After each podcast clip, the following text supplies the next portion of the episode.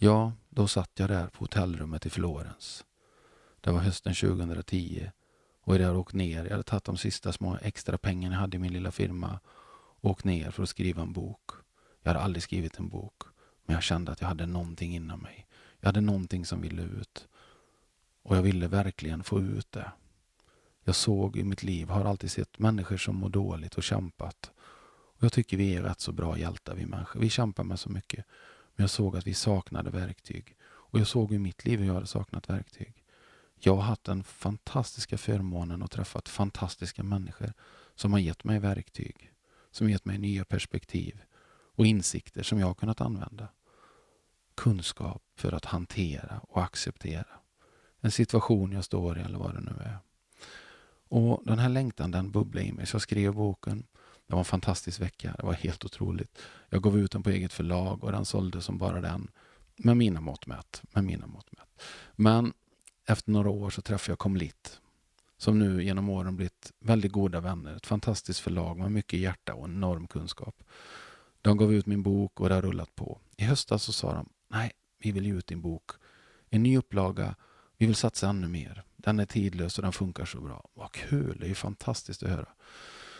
Så jag skrev ett kapitel till, jag skrev en hel arbetsbok till den och la till och nu har den kommit. Och jag är jätteglad, jag tycker det är kul. Men då tänker jag lite på varför gjorde jag detta? Jo, det var just detta. Jag tror det finns vägar där vi kan må bättre och där vi kan hantera våra situationer många gånger på ett bättre sätt. Men vi ska inte vara någon annan. Och det hjälper inte med tänk positivt så blir allt bra. Jag tror inte på det. Det, det har jag sagt innan, jag säger det igen. Tänk positivt så blir allt bra. Nej, tyvärr. Men hur hittar jag en positiv inställning? Det är jag nyfiken på. Det måste finnas en väg vidare. Att bara stå här och ruttna, det finns inte. Hur hittar jag en positiv inställning? Och då behöver jag kunskap. Och någonstans så finns det ju väldigt mycket eh, profeter i detta. Men jag skulle vilja citera en tysk munk som jag citerar i boken. Eh, han skriver någonting som jag har använt i mitt liv och jag vet inte, jag har nog citerat på de flesta föreläsningar jag gjort genom åren. Men han säger någonting om våra känslor och det gäller inte bara de glada, positiva känslorna utan din ilska och din, din sorg och din frustration och din rädsla. Han säger så här. Nej, kom ihåg. Allt hos dig är bra. Allt har rätt att finnas där. Allt hos dig har sin egen mening, men det behöver förvandlas. Allt hos dig är bra. Allt har rätt att finnas där. Allt hos dig har sin egen mening, men det behöver förvandlas. Du behöver inte vara någon annan. Du måste inte känna något annat. Vi kanske måste möta känslan där och förstå den. För har vi kunskap, då kan vi hantera den och komma vidare och låta den förvandlas. Nu har jag sett genom åren vad som har hänt. Jag tänkte faktiskt jag ska faktiskt läsa förordet till den andra upplagan och det känns ju lite konstigt att sitta och läsa något om mig själv men jag gör så idag. Det är ju min lilla podd så jag gör det. Så här skriver jag i förordet till andra upplagan. Att sitta här sex år efter att boken först släpptes och veta att det där som jag bara drömde om faktiskt skulle hända. Att den skulle fånga läsare, att den skulle locka till både skratt och eftertanke. Att den skulle fungera. Detta gör mig så tacksam.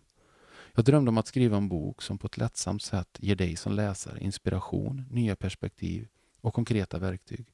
Befriad från floskler och hurtiga tillrop.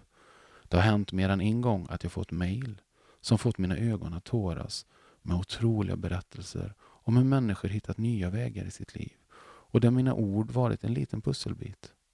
Många berättar om hur de slutat med att tänk positivt så blir allt bra och istället ägnat sig åt att förstå och förklara sina känslor och vågat både vara lite vemodiga och hitta en positiv inställning samtidigt. Men det hände en del som jag absolut inte ens i min vildaste drömmar vågat föreställa mig. Det känns fa fantastiskt att de små frön till tankar jag hade när jag satt där på hotellrummet i Florens hösten 2010 skulle växa sig så stora och bli till alla dessa olika varianter av denna föreläsning. Det blev workshops, studiedagar och till och med processer över år. Några av landets största företag skulle använda denna bok som sin ledstjärna på sina rikskonferenser. Så många dagar och kvällar har jag tillbringat med små arbetsgrupper för att hitta vägen till arbetsglädje, bättre samarbete och starkare relationer. Jag tänker på alla individuella samtal med både skratt och tårar. Som sagt, jag är oerhört tacksam. Och tänk att så många äntligen använder den för att nå resultat. Mycket av det jag pratade om när jag började föreläsa i början av 2000-talet kallar många för flum. Idag vet vi bättre. Och idag kan vi mäta sambanden mellan sunda relationer, bra samarbete och riktigt starka resultat. Att med det i ryggsäcken se denna nya upplaga med både ett helt nytt kapitel och en hel arbetsbok känns fantastiskt spännande. Men det är lite som en tidsresa också. Jag tänkte och skrev på ett sätt då. Har kanske lärt mig mer och tänker kanske lite annorlunda ibland. Men kärnan är densamma, samarbete och relationer.